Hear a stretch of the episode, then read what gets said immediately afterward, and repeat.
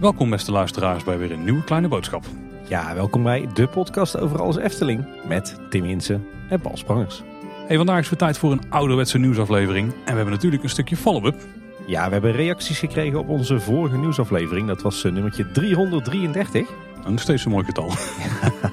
en uh, daarin uh, ja, zaten wij een beetje met een mysterie over de ja, allerlei paaltjes die verschenen bij de slagbomen bij de uitrit van het parkeerterrein. Hè? Nou, de mysterie is inmiddels wel opgelost, want het waren een beetje driehoekige apparaten die we daar zagen verschijnen. En we hebben uiteindelijk wat onderzoek gedaan, want er waren wat mensen die hadden detailfoto's gemaakt en konden het merk achterhalen en uiteindelijk zijn we erachter gekomen. Het is toch een nieuwe generatie camera's die kentekens kan herkennen. Inderdaad. Van het, het merk Arvo. Dus we hebben zelfs de productspecificaties erbij weten te vinden. Het zijn zogenaamde ANPR-camera's. Die gebruiken ze ook langs de snelwegen om kentekens vast te leggen. En naast dat ze, dat ze die nieuwe camera's hebben aangebracht, zijn ook per slagboom twee nieuwe lussen in het asfalt aangebracht. Die detecteren waar een auto staat. Dus ja, ik vermoed toch dat er binnenkort iets gaat gebeuren met de slagbomen bij de uitrit van het parkeerterrein. En dat we misschien toch op kenteken kunnen uitrijden. Volgens mij kun je dat en toepassen op de parkeerabonnementen. Als de Efteling er toch weer voor kiest om net als in het verleden parkeerabonnementen te gaan verstrekken op kenteken en niet op persoon. maar als je natuurlijk van tevoren op de Efteling website uh, of bij een van de automaten een parkeerticket koopt en je voert je kenteken in, kan je op die manier natuurlijk ook sneller uitrijden. Dus uh, ik denk een hele gunstige ontwikkeling die de wachttijd bij de slagbomen wel weer verder gaat verkorten. We hebben nog wat volop over de koffiemachines die jij nu wilt zien verschijnen in de Efteling Tim. Want ik kreeg van een anonieme luisteraar een mededeling dat een aantal van deze koffiemachines gereviseerd zijn. En wat wel tof is, dat ze nu dus ook producten met havermelk kunnen maken en ze zijn een stuk sneller. We hebben een linkje gekregen naar de leverancier en daar staat het allemaal uitgelegd. Dus die zullen we even in de show notes zetten. Ja, dat is wel een heel goed verhaal over uh, duurzaamheid. Uh, die koffiemachines die zijn namelijk circulair. Uh, wanneer die dus een aantal jaar oud zijn, of er zijn allerlei nieuwe innovaties op het gebied van koffie, dan is het dus niet zo dat jij je koffiemachine weg moet gooien en een nieuwe moet kopen. Maar dan halen zij dus je koffieapparaat op, dan reviseren ze hem gewoon en doen ze wat aanpassingen. En dan kan je koffiezetapparaat weer een, een aantal jaren mee. Dus dat is lekker duurzaam en dat gebeurt nu dus ook bij de koffieapparaat in de Efteling. Geen nieuwe, maar gewoon een opknapbeurt voor de, de oude koffiezetapparaten. Topontwikkeling. Ja. En dat de vorige keer eh, aan het eind van onze nieuwsaflevering over een uh, wetenschappelijk artikel van Iris de Baat. Die uh, onderzoek had gedaan naar de geschiedenis van natuur en landschap in de Efteling. Wij hadden het er toen nog over dat een van onze redactieleden zo genereus was geweest om dat rapport online te kopen. Maar inmiddels staat het gewoon uh, gratis online. Dus je kunt het gewoon gratis downloaden. Uh, alles lezen over de geschiedenis van natuur en landschap in de Efteling. En hele toffe foto's zien van uh, de Efteling in de jaren 50. En ook daar zullen we een, linkje naartoe plaatsen in onze show notes. En die vind je natuurlijk in je podcast app of op kleineboodschap.com bij de aflevering. In de vorige aflevering hebben we natuurlijk uitgebreid gehad over die luchtfoto die was gemaakt in de jaren 40 van de Efteling. En toen hebben we volgens mij nog zo tussen neus en lippen door laten vallen dat er misschien nog wel explosief in de grond kunnen zitten rondom de Efteling. Dat er altijd onderzoek naar gedaan wordt. Nu kregen we een mailtje van Marijke Zwaans en die schrijft... Leuk om te vermelden is dat tijdens de bouw van Aquanura er een niet ontplofte bom bij het graven tevoorschijn kwam. In december 2011 als ik me goed herinner. Deze is tijdens parkopening gevonden. De bouw is toen stilgelegd. Het parkdeel rondom de bouwplaats is onmiddellijk ontruimd door personeel. De rest van de avond hebben bezoekers via een zijpoort het park moeten verlaten. Na tussenkomst van de EOD ging de bouw de volgende dag weer rustig verder. En dat herinnert Marijke zich goed, want ik was zelf op die bewuste dag ook in de Efteling. En ik weet inderdaad dat wij eh, aan het eind van de dag het park moesten verlaten via een uh, dienstpoortje achter wat toen nog de vrolijke nood was. Omdat inderdaad het hele entreegebied afgezet was vanwege die, die vliegtuigbom. En ik geloof dat er een tijdje terug ook nog een, een explosief uit de Tweede Wereldoorlog gevonden is bij het het baggeren in de slootjes van Bosrijk. Dus, uh, oh. nou, dus wat dat betreft uh, zagen we inderdaad uh, op die luchtfoto uit 44 wat bomkraters in die hoek van de wereld van de Efteling. We hebben nog souvenirs overgehouden aan de jaren 40. En dan door naar de hoofdonderwerp, Tim. En dan gaan we eerst kijken naar Dans Macabre of misschien breder het Huiverwoudgebied. Want daar gaat het eerste deel binnenkort van open. Ja, inderdaad. Want Loopings had natuurlijk de primeur in een Zwarte Kat. De mini-supermarkt kunnen we wel zeggen. En de laatste hoop, natuurlijk de nieuwe toiletgroep, die openen op zaterdag 1 juli. En dat is tof. En mogelijk gaat het zelfs iets eerder open. Dan zijn er soft openings. En uh, wat gaat er meteen gebeuren, Tim? Er komt gewoon een nieuwe signature snack, zo mogen we het dan noemen, denk ik. Namelijk de ketelkoeken. Dat zijn een soort taartjes, vergelijkbaar met muffins en cakejes. Maar die zijn bereid met, uh, met stoom. En daardoor zijn ze een stuk, uh, ja, sappiger stuk. Ja, zompiger als ik Zompiger, dat is een goede omschrijving, hè? En die worden dan lauw tot warm geserveerd. Dus buiten dat het een klein supermarktje is, kun je ook dit soort dingen daar halen. Heel tof. Er heb ik inmiddels een, een hele corridor van bouwen gemaakt. Waardoor je straks dus uh, de bouwplaats gescheiden hebt van die twee nieuwe gebouwen die dus gaan openen. En dan kunnen we er dadelijk veilig uh, op bezoek gaan. En ook stiekem van dichterbij de bouwplaatsfoto's maken. Dat is eigenlijk wel een mooie bijkomstigheid. Ja, alhoewel ik wel benieuwd ben of ze dan straks die, uh, die rij met bouwhekken ook weer gaan vervangen door een vaste bouwschutting van hout. Dat zou ik wel verwachten, maar waarom was dat nu nog niet gedaan? Misschien omdat ze op hele korte termijn uh, dit gebouwtje gaan openen en ze onvoldoende tijd hebben om daar al zo'n vaste bouwschutting te zetten. Dat zou de enige reden zijn die ik kan bedenken inderdaad. Nou, dan uh, moeten we onze, onze agenda maar vrij gaan maken, Paul, voor uh, de officiële opening van dit nou, gebouwtje. In de Zwarte Kat is natuurlijk mooi en zo, maar het is nog veel interessanter wat er bij de Laatste Hoop gaat gebeuren. En ook daar heeft Loopings meer informatie over. En ze waren echt on fire deze week, hè? Nou, gelukkig niet op de Laatste Hoop. Maar de Laatste Hoop wordt wel het eerste genderneutrale toilet in de Efteling. Halleluja. Nou, de, het mocht er eens van komen. Nou ja, het mocht er eens van komen. Ik uh, geloof dat de Efteling de allereerste is uh, in alle Nederlandse pret- en themaparken. Hoe is dat dan? Ik weet dat ze, dat ze bij Artis al een aantal jaar genderneutrale toiletten hebben. Maar volgens mij houdt het daar ook al een beetje op. Hm. In ieder geval, uh, er komen wel twee verschillende ruimtes. Dus aan de ene kant komen hokjes voor iedereen. En aan de andere kant komt een aparte ruimte met urinoirs. Maar er komen ook familietoiletten. En dat is dan grotere ruimtes waar een ouder en een kind samen naar het toilet kunnen. Dus met de grote en de kleine wc. Volgens mij kun je er dan ook gewoon heel makkelijk de kinderwagen naar binnen rijden. En dat is echt goud. Weet iedere ouder met uh, kleine kinderen. Dit is zo fijn. Je wil niet weten hoe vaak ik uh, sta te worstelen als ik alleen met mijn twee dochters ben. En ze moeten allebei naar de wc. En dan heb ik ook nog een grote rugzak om. En zie je dan maar eens in zo'n toilethokje te proppen. Nou, heel soms uh, smokkel ik dan wel een klein beetje en ga ik dan maar naar de minder valide toilet. Wat natuurlijk eigenlijk niet de bedoeling is. Maar dit is echt een, uh, een fantastische ontwikkeling. Op alle vlakken echt een topontwikkeling. Nou, dat zeg jij, maar er is denk ik één klein nadeeltje. Want dit betekent denk ik wel dat we de oude gevelstenen van de toiletten van het spookslot. Met het, uh, het uh, mannetje en het hurkende vrouwtje. Dat we die denk ik niet meer terug gaan zien in deze toiletgroep. Of zouden ze naast elkaar hangen ja, boven precies. de deur? Dat zou de enige oplossing nog zijn. Ja, ik weet niet hoe mooi dat dan gaat zijn. Nou, daar weten ze vast iets van te maken. Blijft nog spannend tot het uh, laatste moment. De vraag die natuurlijk dan oprijst is, gaan andere bestaande toiletgroepen dan in de toekomst ook genderneutraal worden? En daar zegt de woordvoerder over, we gaan de andere toiletten niet aanpassen. Maar we hebben natuurlijk wel op de bouwtekeningen van het Efteling Grand Hotel gezien dat die grote toiletgroep in de kelder, ja, volgens mij ook genderneutraal wordt. Ja, die lijkt dan een beetje dezelfde indeling te hebben als hier. Dus één ruimte waar je urinoirs hebt en één ruimte waar je hokjes hebt. Dus dat zou kunnen. Maar dat is natuurlijk nog te realiseren toiletgroep. Ofwel, misschien ligt die al helemaal klaar in de kelder. Dat Ja, precies. Daar haalt de opmerking van de woordvoerder niet onderuit. Nee, precies. Ja, ik neem aan dat als het eh, bij deze nieuwe ontwikkeling gebeurt, dat ze het meteen ook doortrekken ha, naar eh, het Efteling Grand Hotel. Waarom niet hè? Ja, wat mij betreft is het een echt een fantastische ontwikkeling. Eh, echt super fijn. Volgens mij een stuk efficiënter qua toiletbezoek. Hè. Normaal gesproken heb je toch wel dat bijvoorbeeld alle hokken bij de vrouwen bezet zijn. En dat er, de hokjes bij de mannen leeg staan. Eh, of juist andersom. Er zijn eh, bijna geen hokjes bij de mannen. Eh, of mannen en vrouwen gaan door elkaar heen. Wat, wat de een dan weer meer kan waarderen dan de ander. Ja, dat heb je nu opgelost. Want iedereen die een hokje nodig heeft, gaat gewoon de ene ruimte in. En mannen die dat niet nodig hebben, die gaan naar het urinoir. Dus ja, op deze manier benut je natuurlijk je toiletten 100% efficiënt. Zeker. Nou, als er nog een mooi thema zijn, dan worden het misschien wel mijn favoriete toiletten dadelijk. Dat is wel heel vroeg hoor, heel vroeg. Ja. Maar we gaan straks eens van binnen bekijken. Op Ja. 1 juli. Ja, ja en wat natuurlijk een, een eh, hele mooie bijkomstigheid is, of misschien wel een van de belangrijkste redenen waar ze hiervoor kiezen, is natuurlijk dat mensen die zich eh, ja, niet thuis voelen bij het gender man of vrouw, of eh, mensen die nog in transitie zijn, dat die nu ook eh, niet hoeven te twijfelen waar ze naar het toilet gaan. En natuurlijk voor ons als jonge ouders ook tof dat, eh, dat je niet meer eh, moet denken, ja, moet ik nou met mijn dochters naar de vrouwen-wc of moet ik als man nou met mijn dochters naar de mannen-wc? Nou, daar maakte ik me sowieso al niet zo heel druk om. Nee, ik ook niet, maar eh, andere mensen zich soms wel, zeker in, Ja. het, in het buitenland. Maar nou ja, heel tof dat de Efteling hier, hier toch weer een voortrekkersrol pakt. Ja, laten we wel wezen, de Efteling was een aantal jaar geleden, wat betreft dit soort ontwikkelingen, toch liepen ze vaak een beetje achter de maatschappelijke ontwikkelingen aan. Maar het tij lijkt wel gekeerd het afgelopen jaar. Hè? Als je ziet dat het algemene rookverbod als, eh, als een van de eerste grote spelers op de markt, genderneutrale toiletten, de roetveegpietjes, eh, ze pakken echt lekker door nu wat dat betreft. Ik pak ook het liefst de voortrekkersrol. Want als je zo'n rol hebt die andersom hangt, dan gaat die, eh, de velkjes allemaal langs de, de muur. Dat moet ik niet hebben. Nou, het is fijn dat wij wat dat betreft op dezelfde lijn zitten. hey, maar kan het allemaal open op 1 juli? Was de stand van zaken daarna? Ja, ze zijn echt overduidelijk bij zowel de Zwarte Kat als de Laatste Hoop bezig met, uh, met de laatste loodjes. Uh, wat hebben we nog gezien de afgelopen twee weken? Uh, aan de buitenkant zijn ze nog wat, wat schilderwerk aan het, aan het oppoetsen, zou je kunnen zeggen, of inpoetsen eigenlijk. want er waren nog wat, wat geschilderde houten delen, zoals de, de deuren van de Zwarte Kat en nog die, die grote nieuwe schutting. Die waren gewoon dekkend geschilderd. Maar die zijn inmiddels ook mooi verweerd gemaakt. En die hebben ze ingepoetst of nat in nat geschilderd met, met wat donkerdere kleuren. Ziet er mooi uit. En ook een uh, opvallende toevoeging. Uh, er is nu een vaandel gehangen aan uh, de mast op het dak van de Zwarte Kat. En op de voorgevel, waar we zo mooi de tekst Taverne in een Zwarte Kat zien.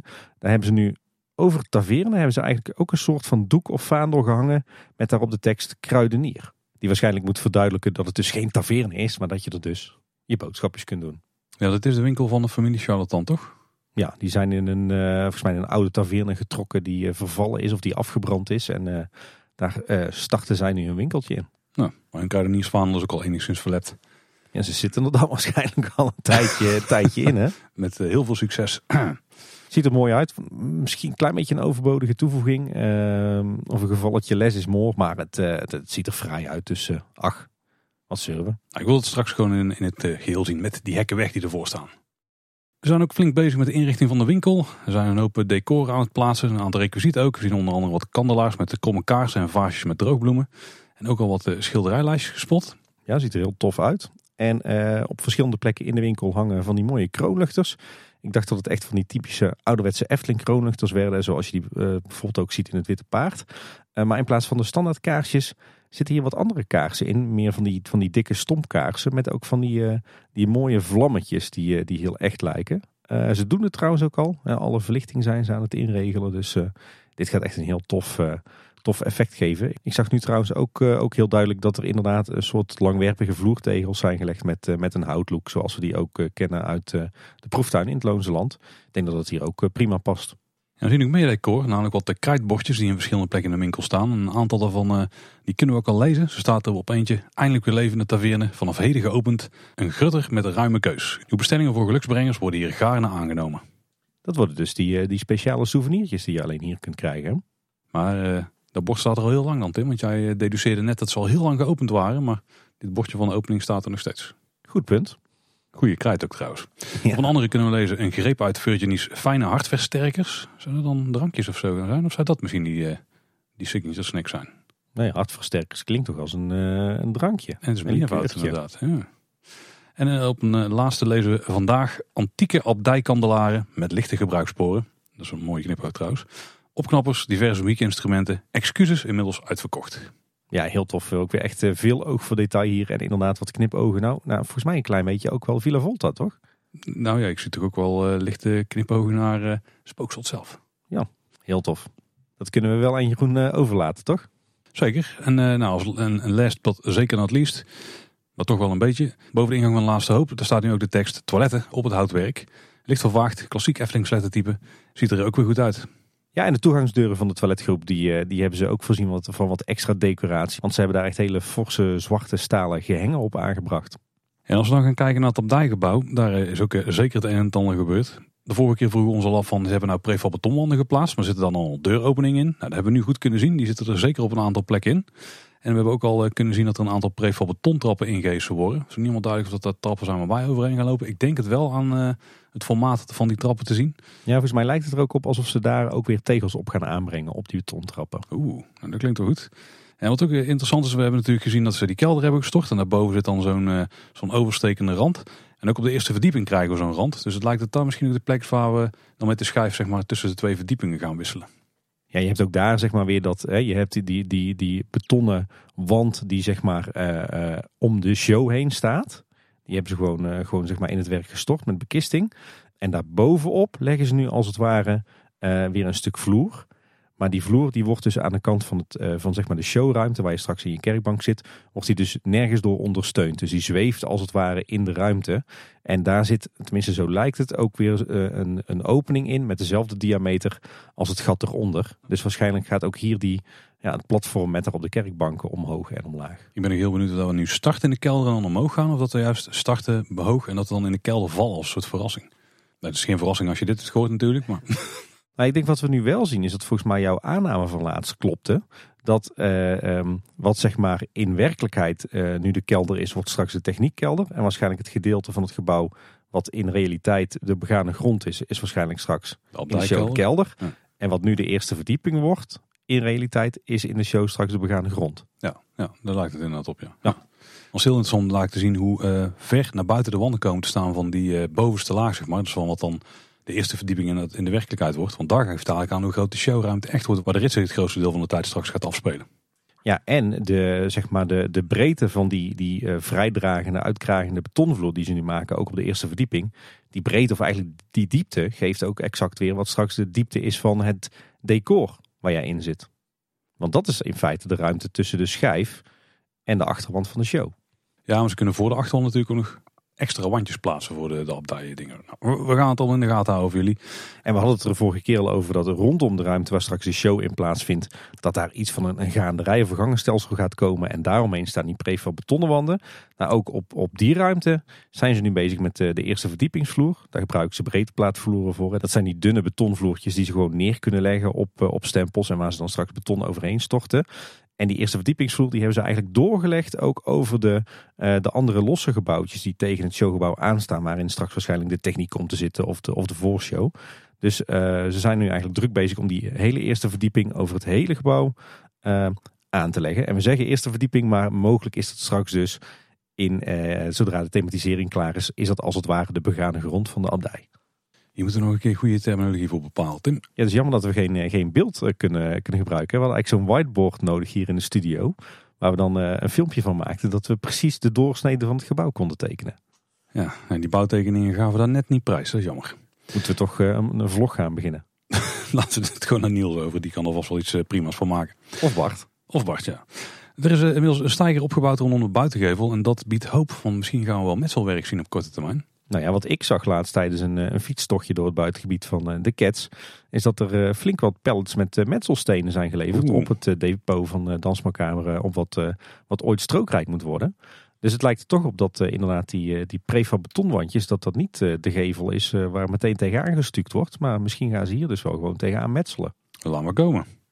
Ja, dan tot slot wordt er ook al gewerkt aan het buitengebied van, uh, van Huiverwoud. Waar we het natuurlijk eerder over gehad uh, hebben. Hè, onder andere het, het kerkhof. Vorige keer melden we al dat er hier en daar wat funderingen zijn gestort. En de afgelopen twee weken is er al wat gemetseld aan diverse van die elementen. En er zijn ook al flink wat, wat kabels naartoe gelegd. Waarschijnlijk worden dat dus straks zo'n zo'n graftombe en nou ja, allerlei andere huisjes in het buitengebied. En in één huisje komt echt een enorme bussel kabels uh, de grond uit. Volgens mij datakabels en elektrakabels. Dus het zou best wel eens kunnen zijn dat dat nou zo'n, als het ware, graftombe is op dat kerkhof. Maar dat daar in feite bijvoorbeeld de showcontrole in zit voor uh, alles wat in het buitengebied gaat gebeuren. Heel tof om te zien. En de vorige keer melden we ook al dat er een nieuwe trafo is geplaatst hè, tussen de, de achterkant van het showgebouw en Fabula in. En ze zijn nu ook druk bezig om daar alle kabels naartoe te trekken. Laten zien of te gaan afwerken of zou dat gewoon... Uh... Nee, die is, uh, die is groen uh, geschilderd. Dus ik vermoed dat ze daar gewoon bosplantsoen omheen gaan plaatsen. En dan nog even een NFT-update. Die zijn namelijk sinds 1 juni te koop. Dan moet je wel goed opletten, want stel je wil er een gaan kopen. Er is een fraudeur actief die een valse NFT probeert te slijten.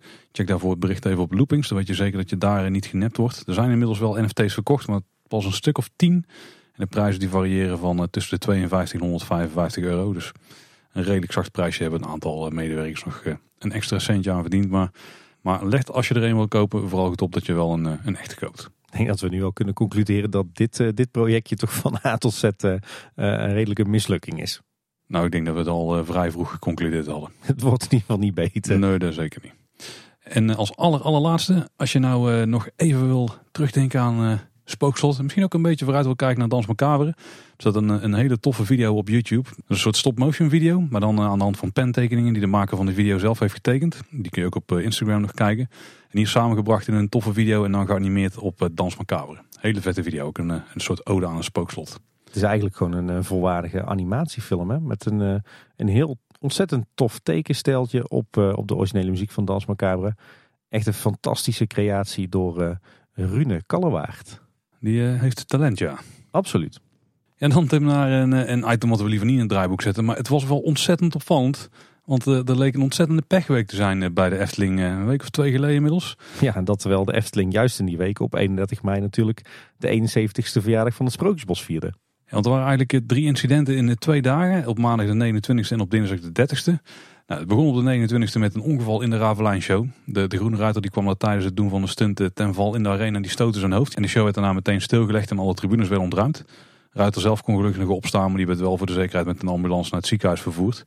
We weten niet op dit moment hoe het met die ruiter gaat. Hopelijk eh, goed, maar in verband met privacy kan de Efteling daar geen mededeling over doen. En dat respecteren we natuurlijk ook.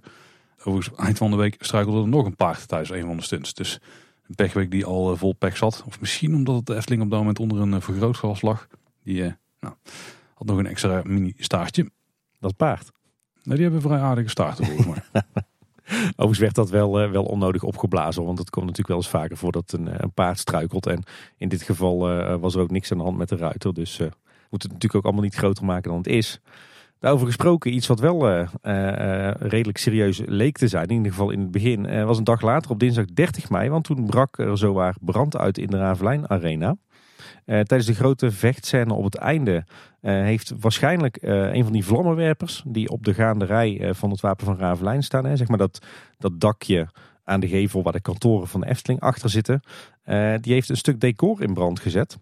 Ik, ik weet vrij zeker dat het een vlammenwerper was, want ik heb serieus de dag daarvoor, op die maandag, zitten kijken naar hey, die vlammenwerpers staan daar op het dak. Ik kon me al ten eerste niet herinneren dat die er überhaupt stonden. Nou, dat is wel bijzonder, want je ziet ze gewoon kaal staan. Ze zijn niet afgewerkt of zit niks nee. omheen gebouwd of zo. Klopt, nee, dat was wel, was wel overduidelijk. De vraag is wel, wat heeft hij nou in brand gezet? Uh, er werd gezegd dat grote houten naambord wat daar stond hè, van bakkerij Barens. Uh, die is wel weggehaald na de brand. Maar mogelijk om, uh, omdat ze die, die in de weg zat om het dak te blussen. Maar als ik de filmpjes bekeek, dan leek het bijna alsof het, het dak zelf in brand stond. Het kan me voorstellen dat daar vloeistof in zit. Of misschien gas, maar in ieder geval iets wat eruit kan druipen in de brand kan vliegen. Ik vermoed dat er zoiets is gebeurd. Ja, het zag er voor mijn gevoel inderdaad uit als een, als een vloeistofbrand. Dus er zal iets van die brandbare vloeistof op dat dak zijn gelekt. En, en waarschijnlijk ontvlamd zijn. Eh, in eerste instantie uh, leek het bij de show te horen, maar, uh, maar vrij vlot ontstonden er ook donkere rookwolken. Dus toen was wel duidelijk dat het serieus was. Nou, daarna werd er eigenlijk heel snel en heel correct gehandeld. De show werd per direct stopgezet en ontruimd. we hebben wat filmpjes ervan gezien, maar ook verschillende ooggetuigen gehoord. En volgens iedereen verliep de ontruiming heel snel, heel netjes en zonder paniek. Dus iedereen was heel erg tevreden over hoe die procedure was verlopen. Dat kunnen ze wel bij de Efteling. Uh, ook de kantoren die natuurlijk in het uh, decor van Ravelijn zitten, die werden meteen uh, ontruimd en het personeel heeft een tijd lang buiten staan wachten. Op zich denk ik dat het personeel niet heel veel gevaar heeft, heeft gelopen. Want vaak bij dit soort grote gebouwen is de gevel van zichzelf brandwerend. 30 of zelfs 60 minuten. natuurlijk niet een raampje open doen op dat moment. Maar anders zit je eigenlijk in zo'n gebouw hartstikke veilig. Ook als het, het buiten brandt. En uiteindelijk kwam de beroepsbrandweer vanuit Tilburg. En die had het vuur heel snel gedoofd. Schade leek gelukkig mee te vallen. Alleen het houten bord werd, eh, werd daar verwijderd. En een gedeelte van de houten betimmering van die dakkant ook. De bouwdienst van Efteling heeft dat gewoon gedaan. En de schade die werd een beetje gemaskeerd door wat hier de zak overheen te draperen. En uh, om half vier vond er al meteen weer een show plaats. Kijk, de show must go on. Dat doen ze toch goed. Ja, maar die vuureffecten die hebben ze dus wel uitgezet. Lijkt me ook wel prima. Ik zou me ook al af te vragen. In het verleden kon je daaronder gewoon nog lunch halen. Ja, het was wel aan de andere kant dan... Uh... Nou, in, in het verleden was daar zelfs nog de minder valide uh, tribune. Oh ja, maar toen stonden die vlammenwerpers er ook nog niet. Jawel. Ja? Ja. Oeh, nou daar komen ze nu ook wel wat terug. ik denk dat het wel een effect zou kunnen zijn wat we uh, misschien gaan zien uh, verdwijnen in de toekomst. Ik denk ook dat je het op die plek ook niet per se mist of zo hoor. Nee, nee, nee. Nou, natuurlijk veel media-aandacht. Ook uh, redelijk veel video's die je op, die je op social media kunt zien. Dus we zullen er een aantal in de show notes zetten mocht je dit nog terug willen zien. Ja, het, weet je wat het is? Het, het liep eigenlijk allemaal met een, een sisser af. De brand was zo geblust. het zal niet veel voorgesteld hebben. En gelukkig dat, dat de ontruiming hartstikke soepel ging vond wel dat de Efteling de laatste tijd best wel een paar keer eh, door het oog van de naald is gekropen qua brandjes. Hè. natuurlijk deze brand, eh, de brand, bijna brand in Droomvlucht laatst. Nog een, mm, een gijs gehad die ze niet konden blussen. Ja, ik vraag me toch af of de Efteling toch niet terug moet naar een soort van eigen bedrijfsbrandweer. Wat ze natuurlijk een paar jaar geleden hebben afgeschaft. Want ja, op zich, hè, de Efteling heeft een hele goede BHV-organisatie. We weten dat die uh, meer doen dan, uh, dan de normale BHV-organisatie. Die zijn vooral natuurlijk gericht op, op ontruimingen. Maar ik geloof dat de Efteling ook uh, kan ontruimen met, met ademlucht. Maar echt blussen, dat doen ze niet meer. Maar in plaats daarvan komt gewoon zoals bij ieder bedrijf de brandweer. en overdag is dat dan vaak de beroepsbrandweer uit Tilburg of Waalwijk. Maar je, ja, je zou toch zeggen, zo'n groot park met zoveel bezoekers, dan is het toch wel handig als je ook intern iets van een brandweer hebt. Die gewoon heel snel te plaatsen is, die goed de weg weet. En die dit soort beginnende brandjes, of nou hier is of in Droomvlucht of zo'n gijs, toch alvast kan blussen voordat eh, die beroepsbrandweer eh, na een, eh, een x aantal minuten ter plaatse komt. Ja, dus in ieder geval de schade kunnen beperken. Ja, ik snap dat de Efteling geen eigen brandweerkorps wil optuigen. Want ja, dat hoeven ze niet. Want je, ja, je kan gewoon gebruik maken van de, de normale brandweer. En het kost natuurlijk ook een hoop geld. Maar eh, ik begreep wel dat er tegenwoordig ook allerlei kleine brandweerwagentjes zijn. Waar je bijvoorbeeld met, met water onder hoge druk uh, toch de eerste paar minuten kan blussen. Je zou bijna zeggen, uh, schaf toch zo'n zo'n brandweerwagentje aan en, en leid je mensen op. alhoewel volgens mij heel veel mensen bij de Efteling werken die bij de vrijwillige brandweer van Kaatsheuvel ja. zitten dat je in ieder geval dit soort beginnende brandjes toch uh, in de kiem kan smoren. Want het is eigenlijk zonde dat je een BHV-organisatie hebt, dat die alleen maar kan ontruimen en zo'n brandje niet meteen uh, kan blussen. En vergeet niet, omdat dus iedere keer die beroepsbrandweer moet komen, heb je dan ook weer een hoop media-aandacht op dit soort brandjes. Ja, daar zul je dan nog steeds wel houden, maar dan kun je vooral de schade beperken. Want je bent er gewoon, nou ja, minuten tot misschien wel tientallen minuten eerder bij. En daar kan het toch wel het verschil zijn tussen veel schade en weinig schade.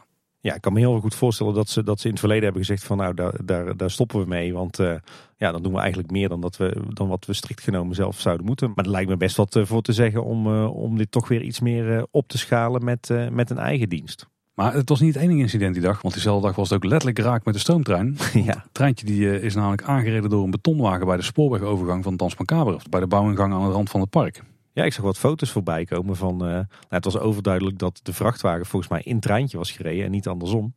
Uh, en dat zag er toch behoorlijk heftig uit. Er moet wel een klap zijn geweest, zeg. Nou, er zaten ook enkele tientallen mensen in de trein. Die hielden daar lichte verwonding aan over naar de botsing. En die zijn uit voorzorg naar de EHBO-post gebracht. Dus dat is allemaal gewoon ook weer netjes afgehandeld. Vrachtwagen zelf had vooral flink schade. Het treintje lijkt wel oké. Wel het beschadigen aan het plaatwerk en de lak. En vooral hopen dat er geen technische schade is. Zodat de trein gewoon kan blijven rijden. Om half drie diezelfde dag van het incident als rond een uur of één, toen is het stoomtreintraject weer in gebruik genomen. Wel met een andere locomotief uiteraard, Moortje in dit geval.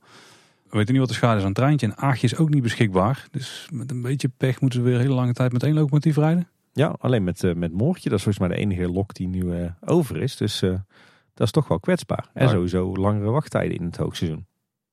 Nou laten we hopen dat, ze, dat de schade aan het treintje meevalt en dat ze haar snel gerepareerd hebben. Nou, Lijkt me in ieder geval een, uh, een leuke verzekeringskwestie. Als volgende onderwerp, Tim, kunnen we mooi een paar uh, zaken bundelen onder het kopje duurzaamheid. Want de Efteling die heeft afgelopen weken wat informatie naar buiten gebracht over het uh, energiesysteem Anderrijk. En we weten natuurlijk ook dat ze bezig zijn met het zonnepanelenpark. In ieder geval de informatie rondom het energiesysteem, die kwam via het blog. Daar hadden ze een interview met Mark Jansen opgezet. Die kan daar heel mooi over vertellen, Tim.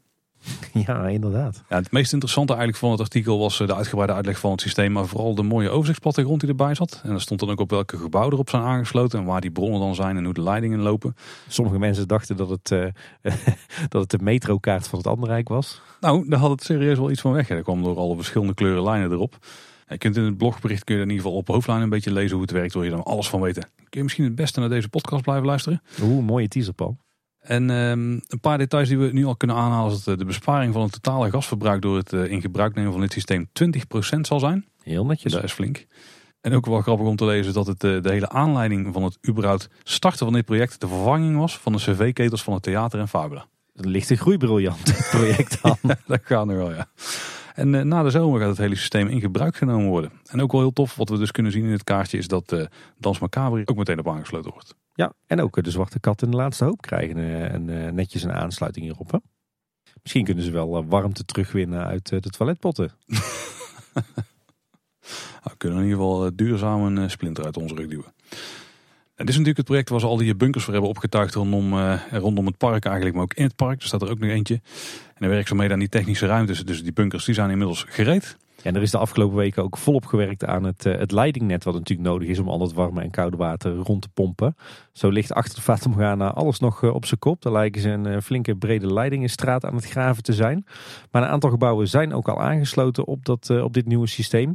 Zo kun je vanaf de Kinkerpolder mooi zien dat bij het Efteling Theater aan de buitenkant vier leidingen van het warmtenet het gebouw ingaan.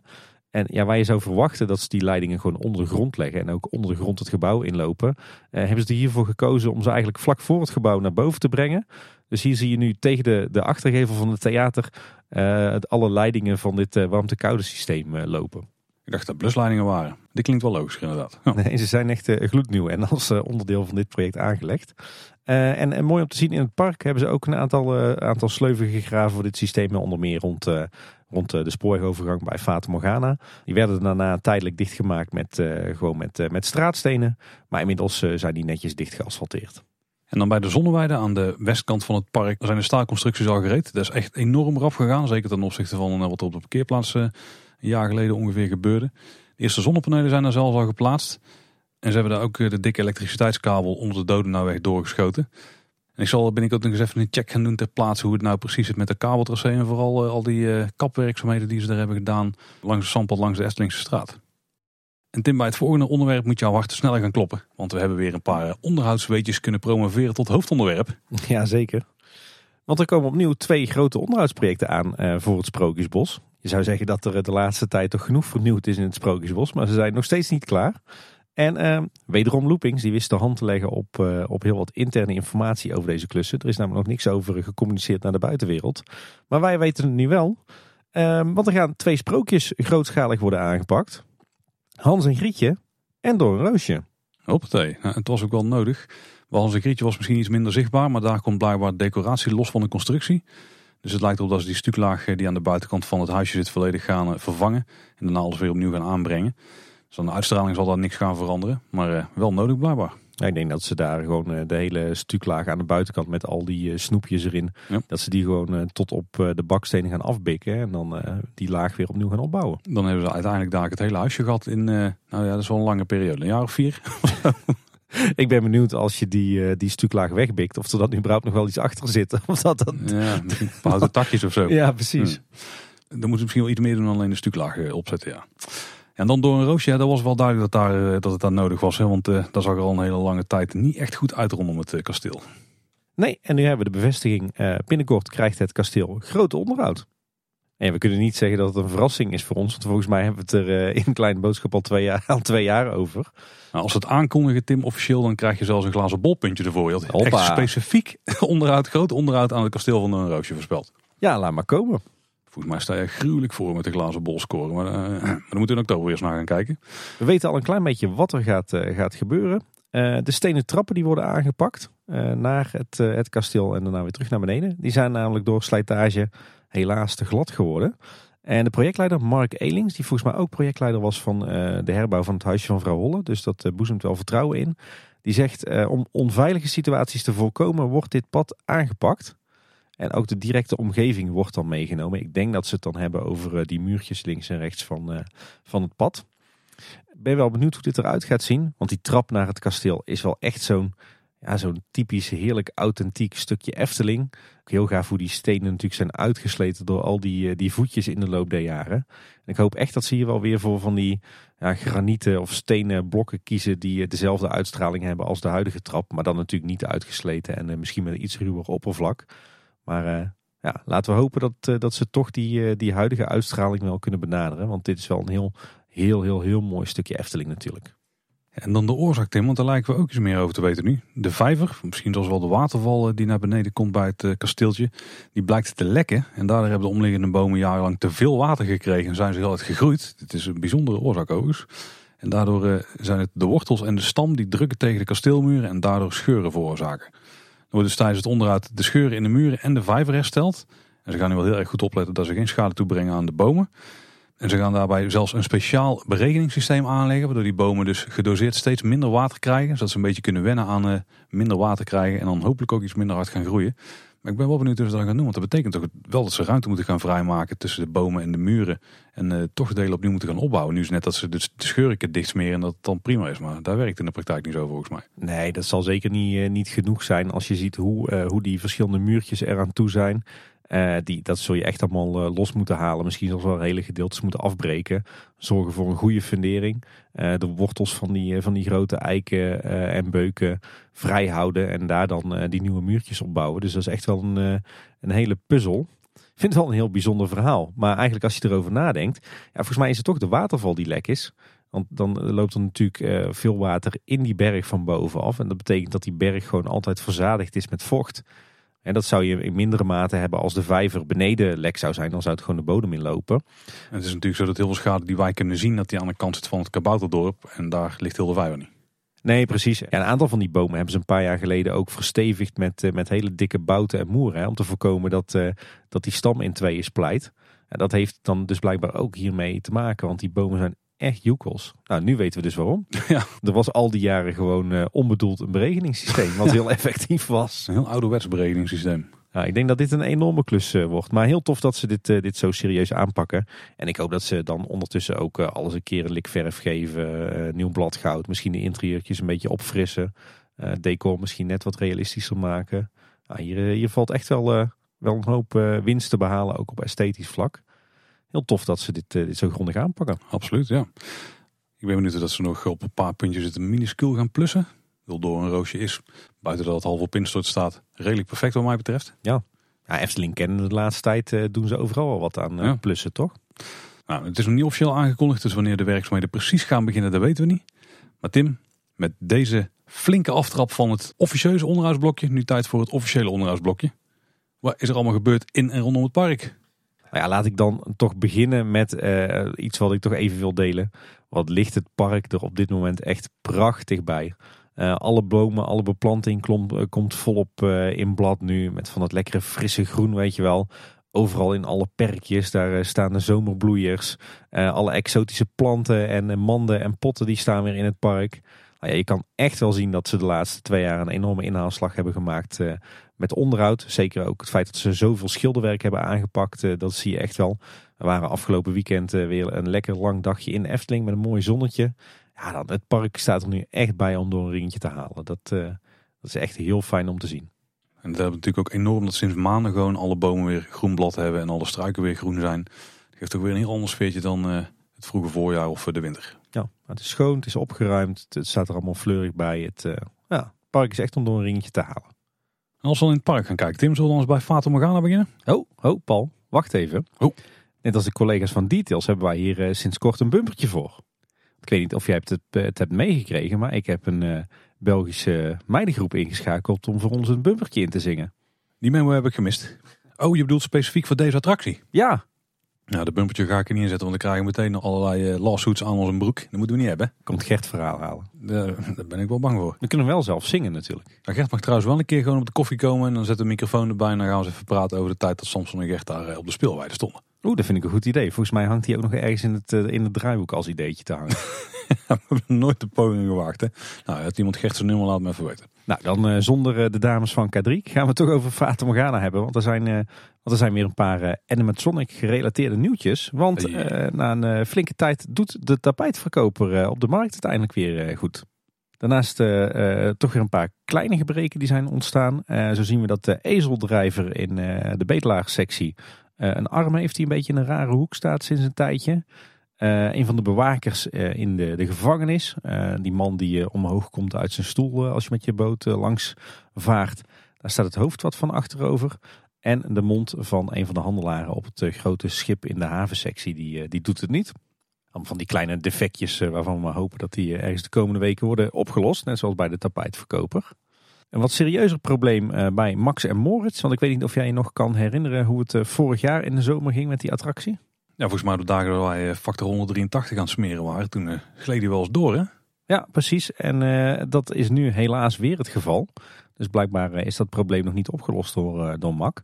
Want recent waren er toch weer wat problemen met de treinen op, op wat warme dagen. Nou ja, ik geloof dat zelfs vanaf een graad of 23 al problemen gaf. En om te voorkomen dat die treinen dus volgens mij te ver doorschoten in het station, werden die maar half gevuld. Dat is ook bijzonder, want je zou denken dat met zo'n ritssysteem dat je die treinen gewoon net iets eerder al wat kan afremmen, nog voordat het station inrijden, zodat ze gewoon met gemak stil gaan staan op het moment dat het nodig is. Maar we hebben toch een lastig uh, probleem. Ja, ik ben heel erg benieuwd uh, waar dit hem nou in zit. En dan nog een uh, laatste kleinigheidje in het andere rijk, want we hebben natuurlijk de burgerbakkerij als buiten, buitenverkoopje bij mevrouw Bottes Kuchen. Um, in het verleden stonden daar aan de Steenmoklaan een tweetal mooie decoratieve borden. Helemaal mooi in thema en heel erg uh, gedetailleerd. Uh, die zijn een tijdje terug uh, verdwenen. Ik geloof dat er eentje door een storm is omgewaaid en de ander door een auto is aangereden. En nu blijkt dat die definitief niet meer terugkomen. een van die borden is inmiddels vervangen door een nieuwe lantaarnpaal. jammer, want ze zagen er heel vrij uit. Maar ook geen groot gemis.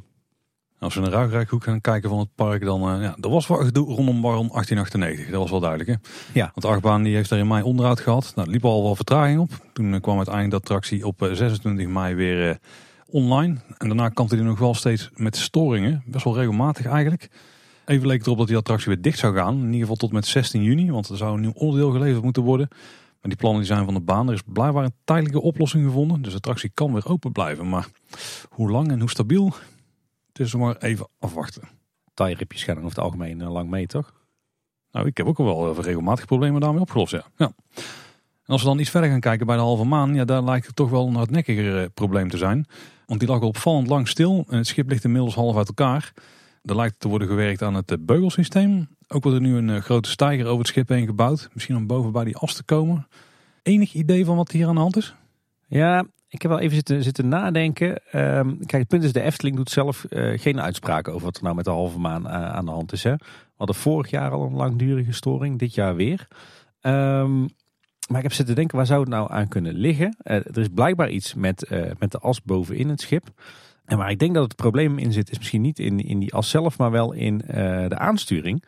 Want zoals je weet, Paul, wordt het schip op en neer bewogen door een tweetal grote boosterwielen, grote banden onderin. En die maken telkens vaart de ene kant op en dan de andere kant weer op. en als je het nou mooi soepel wilt laten lopen, dan moet eigenlijk die, de draairichting van die boosterwielen moet op het moment dat het schip op zijn dode punt is, moet die snel omdraaien. en ja, we hebben gehoord van meerdere medewerkers dat, het dan, dat dan de snelheid van die wielen aangepast moet zijn op de snelheid van het schip. Ja. Want als die wielen trager draaien dan het schip, dan krijg je een, een, een snuk op het moment dat dat schip uh, weer, weer beneden over die wielen heen gaat. En dan rem je het schip als het feite, of in feite af. We hebben alles proberen uit te vissen van hoe werkt dat nou? En waar meet die attractie nou de snelheid van het schip? Uh, zodat je de snelheid van die wielen daarop aan kan passen. Um, en toen uh, schemerde al wel een beetje door dat dat niet onderin bij de boosterwielen is, maar waarschijnlijk bovenin. Uh, en ik kan me voorstellen dat, dat daar uh, misschien iets helemaal lekker werkt. Want de vorige keer dat het schip uh, een hele tijd uit de vaart was, toen heb ik vlak voor die tijd ben ik er nog twee keer in geweest. En toen viel me al op dat het niet helemaal lekker ging met, met die banden. Dat inderdaad af en toe het schip in plaats van dat het werd versneld eigenlijk afgeremd werd omdat die banden niet, niet snel genoeg draaiden. Dus ja, mogelijk zit daar nu toch het probleem in. En moeten ze daarom bovenin zijn om iets te doen met, ja, met die snelheidsmeting of zo. Ja, dat zou een optie kunnen zijn. Uh, educated guess op basis van wat, wat, wat uh, verhalen die we hier en daar hebben gehoord. Het zou natuurlijk ook zo kunnen zijn dat er iets met de smering is. Dat er iets met de lagers is. Dat er iets met de as is. Maar ik denk dat we het, het, probleem wel echt bovenin moeten zoeken.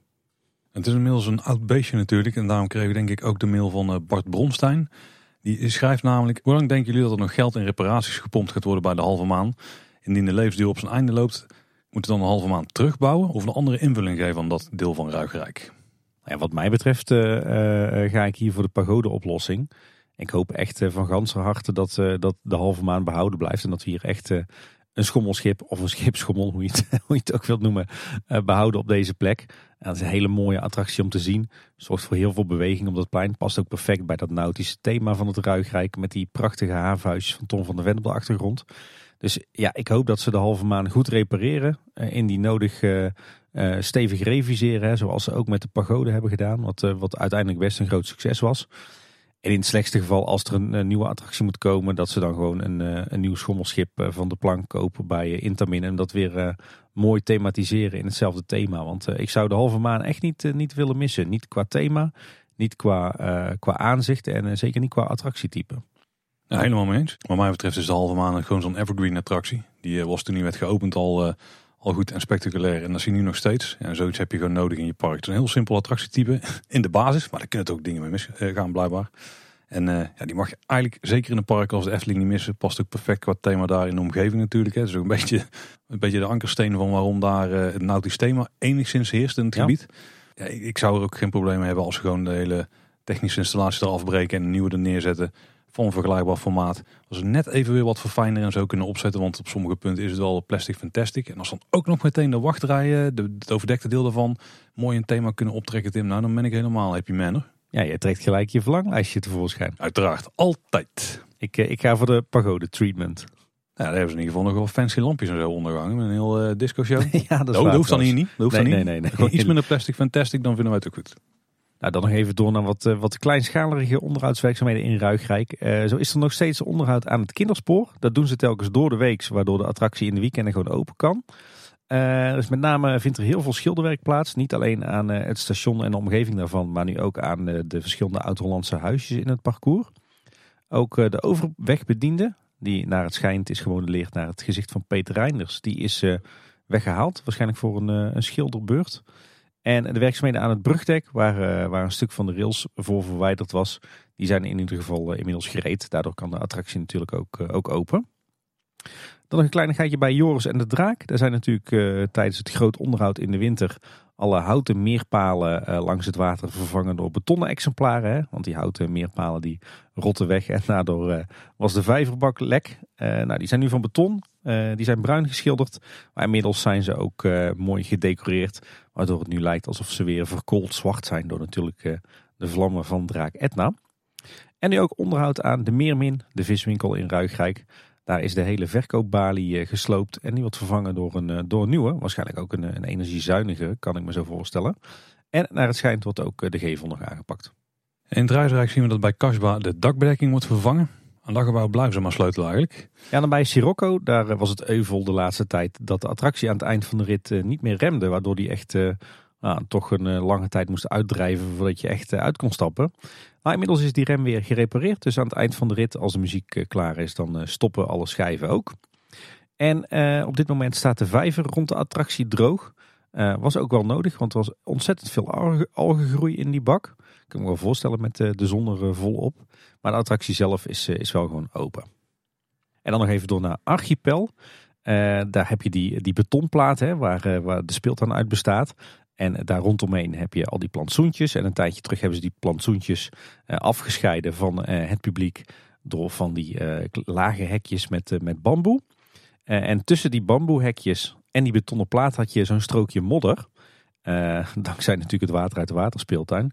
En die hebben ze inmiddels netjes opgevuld met een soort leemachtige halfverharding. Zodat je ja, dan niet zo'n modderstrookje hebt.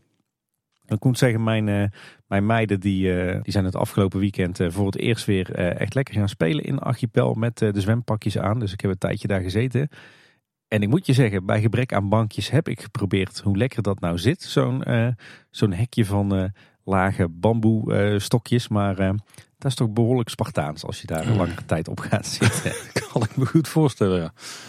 Als we een stukje verder het park gaan en we gaan naar het poffertje, dan zijn ze natuurlijk flink aan het renoveren. Het terras is inmiddels voorzien van nieuwe tegels. En dit zijn eh, rechthoekige tegels met houtlook. Dus niet meer eh, de ouderwetse rode plavuizen daar. Ja, best wel jammer. Ik vond die altijd wel eh, sfeervol en authentiek. Het lijkt nu uit dezelfde levering te komen als, als die ze voor de Zwarte Kat hebben gebruikt. Twee pellets voor de prijs van één, denk ik. Ja.